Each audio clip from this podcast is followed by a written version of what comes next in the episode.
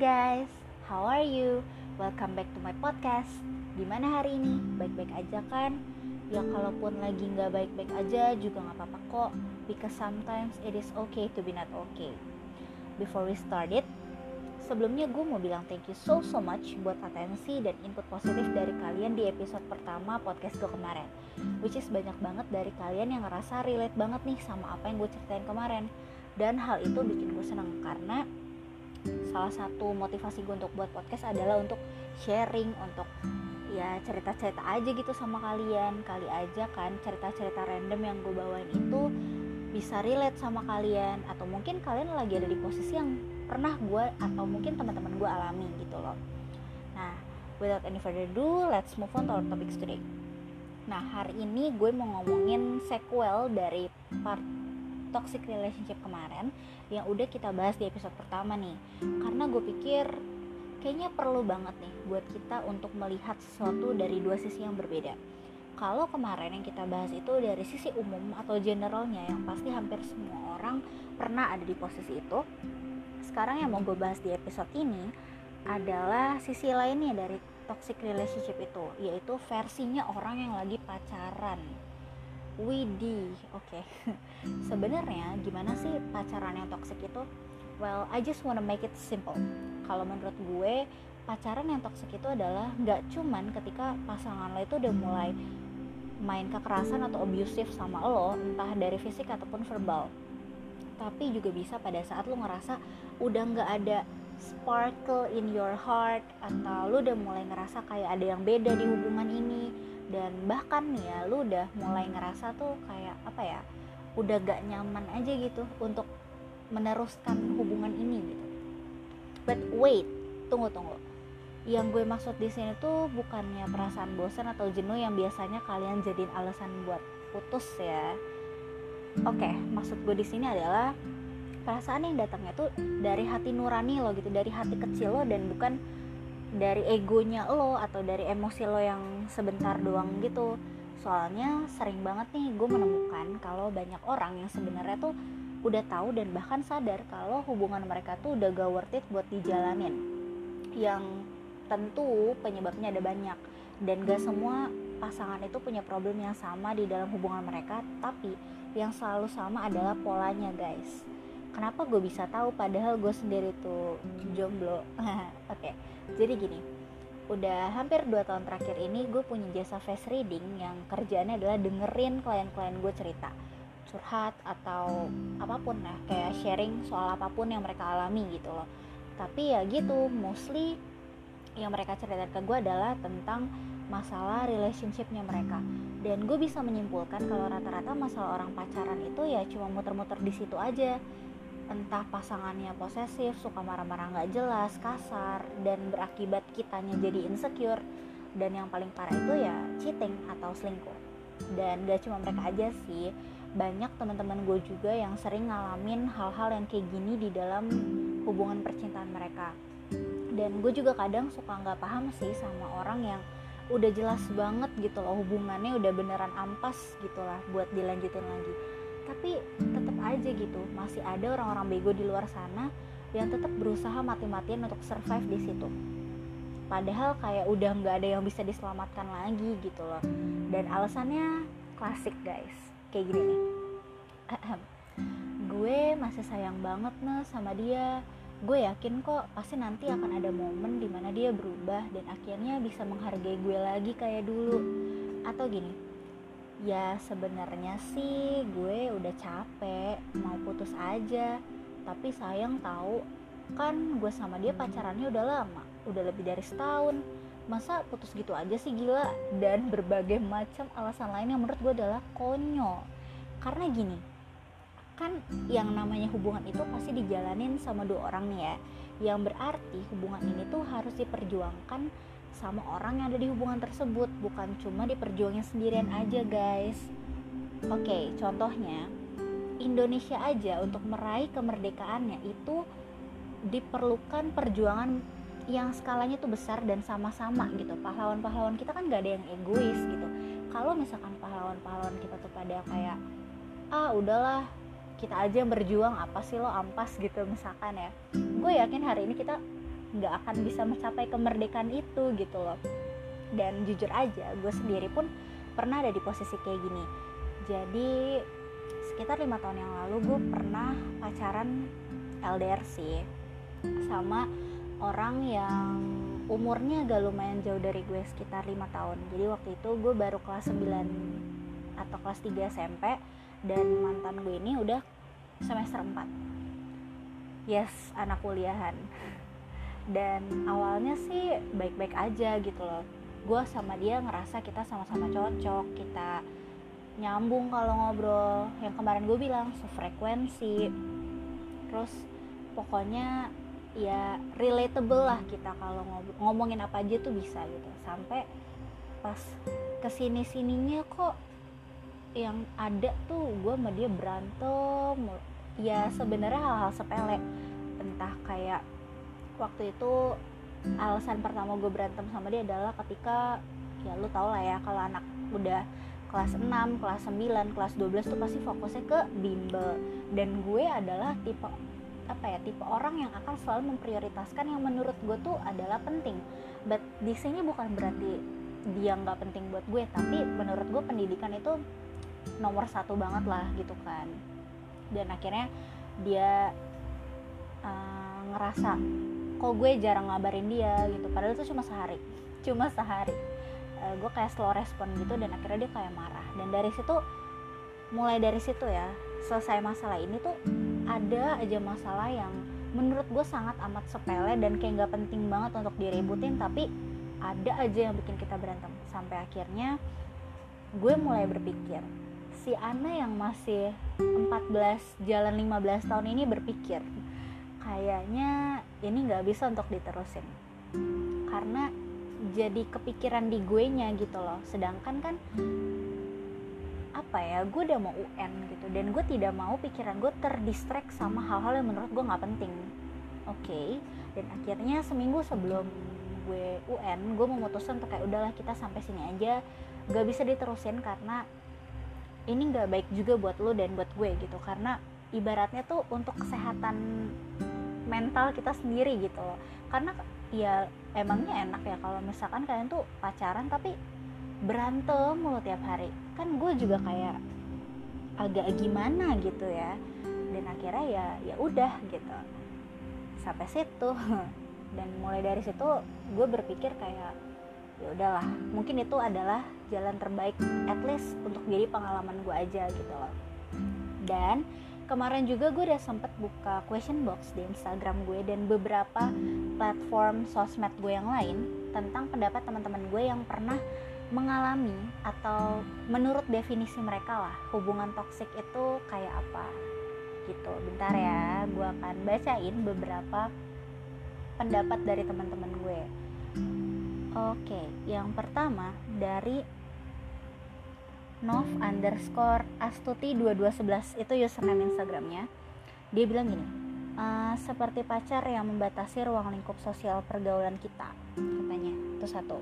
Terus ada juga dari ptr.aliviantia yang dia bilang gini di saat udah ngekang yang berlebih dan kasar sih sama suka maksa tapi kadang ceweknya nggak sadar gitu atas nama cinta gitu kan ada juga dari Amalia underscore Duirianti dia bilang terlalu mengekang pasangannya overprotective mengatur semua kehidupan pasangannya.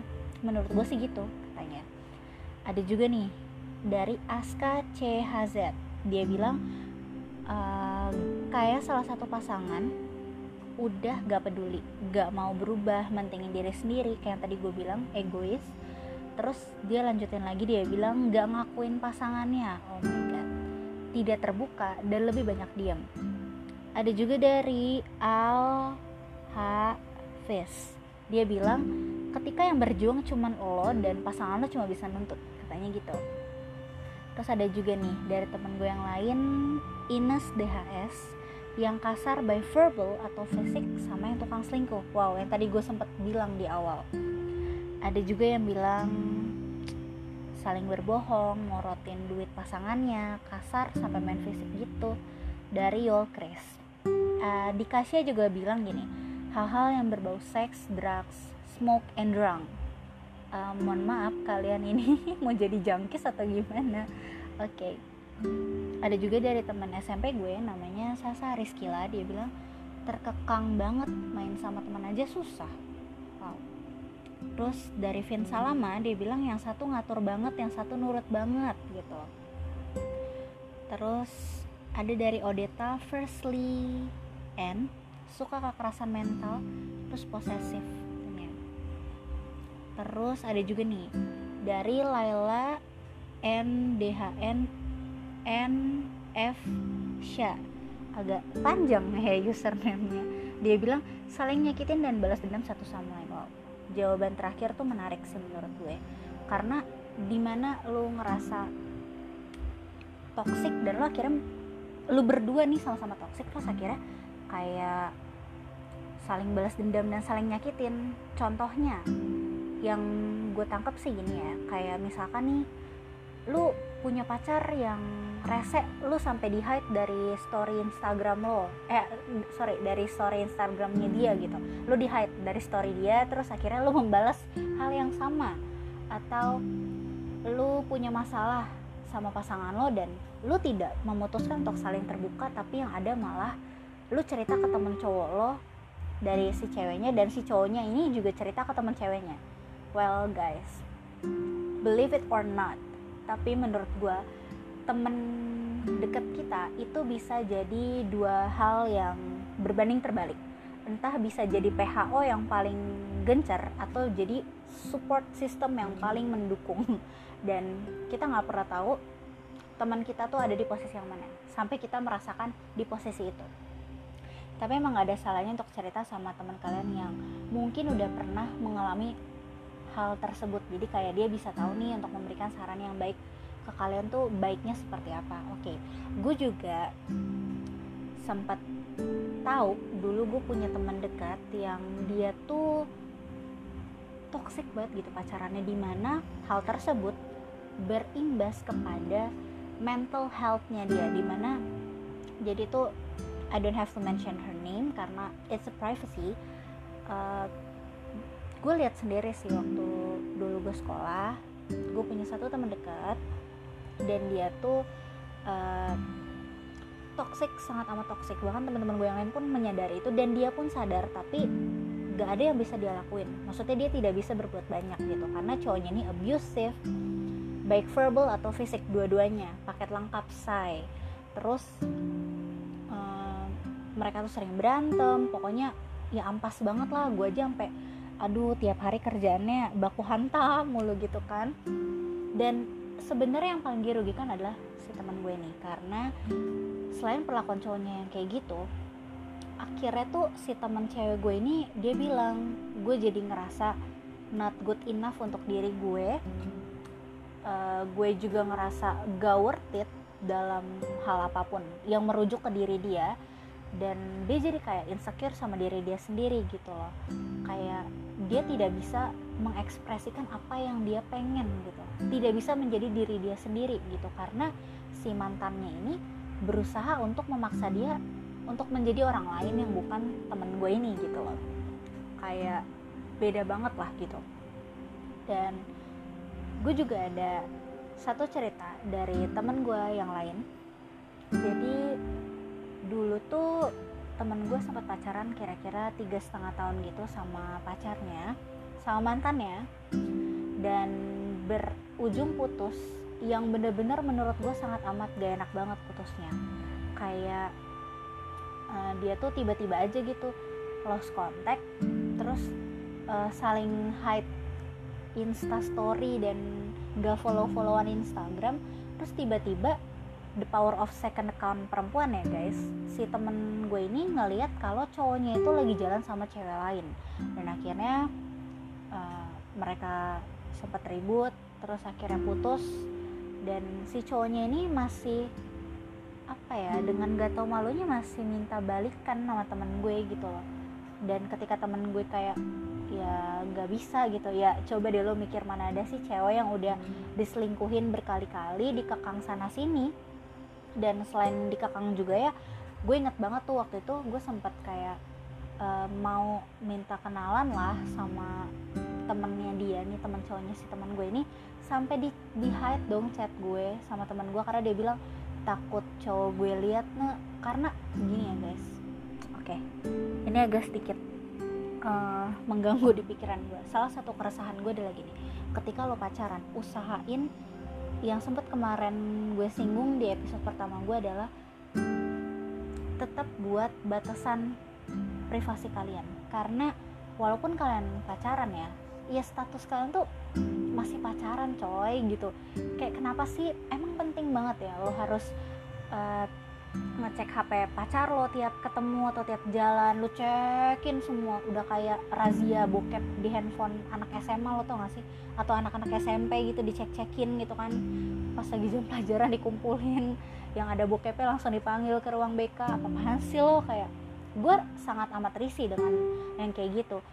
Ya itu kan berarti uh, itu uh, apa ya no itu kan berarti uh, dia tuh pengen kita gak bohong. Iya tapi nggak gitu coy. Justru fondasi utama dari terjalinnya sebuah hubungan adalah selain komitmen itu juga kepercayaan. Jangan sampai uh, hal-hal uh, yang kayak gitu tuh malah diputerbalikkan sama pasangan lo dan itu menjadi alibi dia untuk ngecek-cekin HP lo gitu loh. Kayak menurut gue apaan sih? gitu. Bahkan nyokap bokap gue aja nggak pernah buka-buka HP gue gitu loh. Dan lo yang kayak ya ampun lo tuh siapa sih? gitu lo buka-buka HP gue gitu. Dan ya gue resi aja gitu. Menurut gue tetap harus ada privasi. Karena nyokap bokap gue pun sampai sekarang ya itu nggak pernah tuh saling lihat-lihatan HP tuh enggak kalau kata nyokap gue dulu gini ya semua orang tuh punya privasinya. Walaupun dia udah nikah sekalipun tidak semua hal tuh bisa kita share ke pasangan kita entah untuk ngejaga perasaan dia atau untuk ya alasan kenyamanan kita gitu. Maksudnya kenyamanan adalah nggak diganggu-ganggu gitu loh. Kayak ada banyak atau ada beberapa hal yang nggak bisa kita share tadi gue bilang. Dan itu salah satunya. Dan balik lagi ke cerita temen gue dia tuh kayak dari awal nih sebenarnya sebagai teman yang baik gue tuh udah mengingatkan dia kayak e, mending jangan nama dia deh soalnya gue tahu dia tuh orangnya gimana gitu loh Nah, gue di sini memainkan peran gue sebagai teman yang baik yang tidak ingin menjerumuskan temen gue gitu loh. Tapi mungkin pada saat itu teman gue berpikir ya gue gak bisa sebelum gue ngeliat dengan mata kepala gue sendiri kalau nih orang emang brengsek gitu loh. Dan ya udah, finally itu terjadi gitu. Dia disakitin berkali-kali dan cowoknya ini juga kayak ampas banget gitu loh. Udah ditemenin dari nol, uh, susah seneng bareng-bareng terus tiba-tiba pas udah di level tertinggi karir dia di awal-awal umur 20-an tuh kayak ya udah teman gue ditinggalin aja gitu. Dan ketika si cowok ini maksa temen gue untuk balikan dan temen gue udah waras God dia udah waras akhirnya dia nggak mau lagi untuk balikan yang ada nih cowok malah maki-maki dia. Menurut gue itu tidak manusiawi gitu. Karena lu bukan anak kecil yang kalau misalkan lo minta permen dan orang tua lo nggak kasih lo kan marah-marah. Guys please kayak tolonglah sifat-sifat kayak gitu tuh kalian hilangkan gitu. Karena menurut gue orang yang udah siap untuk menjalin hubungan itu berarti dia sudah dewasa. Karena hanya orang-orang yang sudah dewasa secara mental dan pemikiran yang bisa menjalin komitmen menjalin hubungan yang worth it untuk keduanya gitu dan buat sekarang sih gue menyarankannya kalau kalian nih buat kalian yang kayak masih bingung aduh gue pengen pacaran atau enggak ya? Tapi ngelihat orang pacaran kadang pengen tapi di satu sisi tuh uh, ya kebanyakan drama males juga sih gitu. Nah kalau saran gue sih sekarang mendingan kalian fokus sama apa yang pengen kalian kerjain dulu. Fokus sama prioritas kalian karena menurut gue sendiri bahagia tuh nggak harus selalu tentang pacaran dan nggak selalu bahagia lo tuh sama pasangan lo gitu loh. Kayak kalau gue punya pasangan pasti gue akan bahagia. Ya whatever you name it. Tapi gue berpikir bahagia tuh kita yang buat sendiri gitu loh. Kalau misalkan lo sendiri gak puas atau lo sendiri gak apa ya lo gak bahagia pada saat lo sedang jomblo atau single ya kemungkinan besar kita juga nggak akan ngerasa bahagia atau puas ketika kita udah ada di dalam suatu hubungan. Karena simpelnya gini jika kita tidak bisa berbahagia dan puas dengan apa yang kita miliki sekarang kita pun gak akan bisa merasa bahagia atau puas dengan apa yang kita miliki nanti. Entah itu karir your goals atau apa pun termasuk pacaran kalau lo sendiri tidak memahami diri lo sendiri ketika lo single dan atau mungkin lo berpikir ekspektasi orang kebanyakan kayak kalau punya pacar gue bakal bahagia. Terus kalau misalkan lo punya pacar dan lo nggak bahagia lo bakal ngapain gitu loh? What next gitu?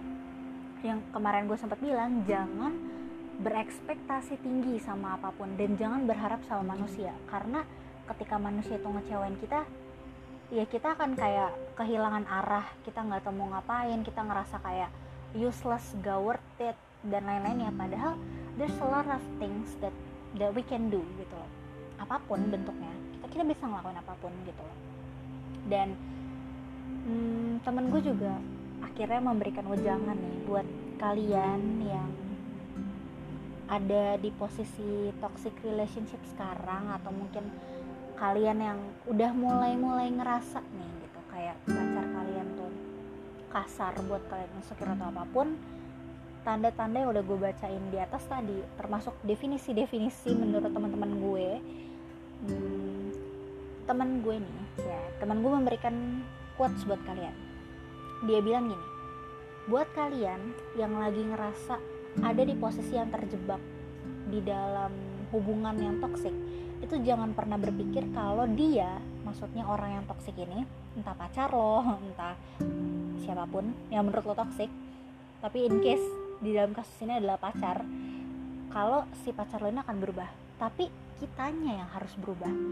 Coba mainan jauh biar tahu rasanya bersosialisasi dan berteman dan juga menemukan kalau dunia itu nggak sesempit itu. Kayak dunia itu nggak sesempit lo dan dia doang.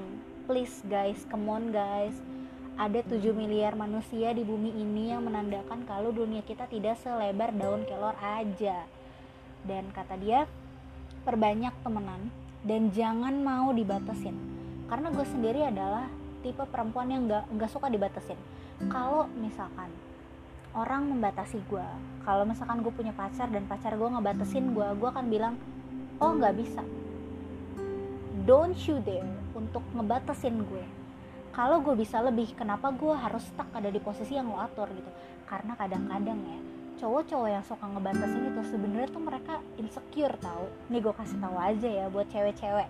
Karena rata-rata yang jadi korban toxic relationship itu cewek-cewek sih. Ya walaupun gak semua ada juga yang cowok tapi mostly kan cewek. Nih gue kasih tahu kalau ada cowok lo yang ngebatasin lo entah pokoknya lo nggak boleh temenan sama siapa pun. Komentar-komentar di Instagram lo tuh kayak diliatin gitu nggak boleh di cowok atau pokoknya yang cewek-cewek pun diliatin biar gak julid atau apa gitu ya. Dan itu menandakan kalau mereka adalah cowok-cowok yang minder yang gak pede sama mereka dan mereka takut kalau lo akan kepincut anjay kepincut atau kepincut sama orang lain yang lebih daripada mereka gitu. Sebenarnya sih simpelnya kayak gitu ya. Karena uh, toxic relationship itu menurut gue berawal dari ketidakpedean seseorang dalam menjalani hubungan. Yang akhirnya dia tuh melampiaskan keminderannya itu dengan cara mengekang lo, membatasi ruang lingkup dan pertemanan lo juga. Terus juga kadang nih kalau misalkan udah bener-bener parah ya dia akan melakukan verbal abusive atau uh, sorry verbal abuse atau ya fisik entah lo dipukul atau apa dan menurut gue seorang laki-laki tuh gak pantas banget untuk main tangan ke cewek bahkan ya sekasar kasarnya cowok kalau ngomong. Menurut gue sangat amat gak etis ketika lo harus ngomong kasar sama cewek lo. Karena gue berpikir gini lo kan lahir dari perempuan. Lo bayangin kalau ada orang yang sambat ke ibu lo gitu lo pikir deh rasanya tuh gimana gitu. Dan cobalah memperlakukanlah wanita seperti lo memperlakukan ibu lo sendiri gitu.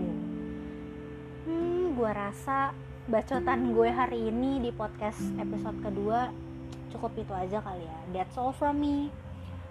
Hope you guys enjoy it. Don't forget to follow gue di Instagram dan juga di podcast gue supaya gue lebih seneng dan semangat lagi untuk bikin podcast dan ngebacot soal kerendeman-kerendeman yang ada di kepala gue buat kalian. Oh iya jangan lupa kalau misalkan kalian tuh mau ada saran atau ide buat gue untuk gue bahas di podcast gue silakan feel free untuk DM gue di Instagram. Terus juga buat kalian nih yang mau coba-coba untuk buat podcast entah itu kalian mau share-share lagu favorit kalian atau kalian mau apa pun kalian bisa pakai Anchor untuk bikin itu karena toolsnya tuh lengkap banget kayak ada buat edit ada backsoundnya juga dan Anchor tuh salah satu aplikasi yang praktis menurut gue karena gue bisa buat recording di mana pun kapan pun dan gue juga bisa langsung edit di situ dan dipublish ke ber, apa ya ke beberapa platform yang pendengarnya juga lumayan banyak guys oke okay? thank you guys for listening see you on the next part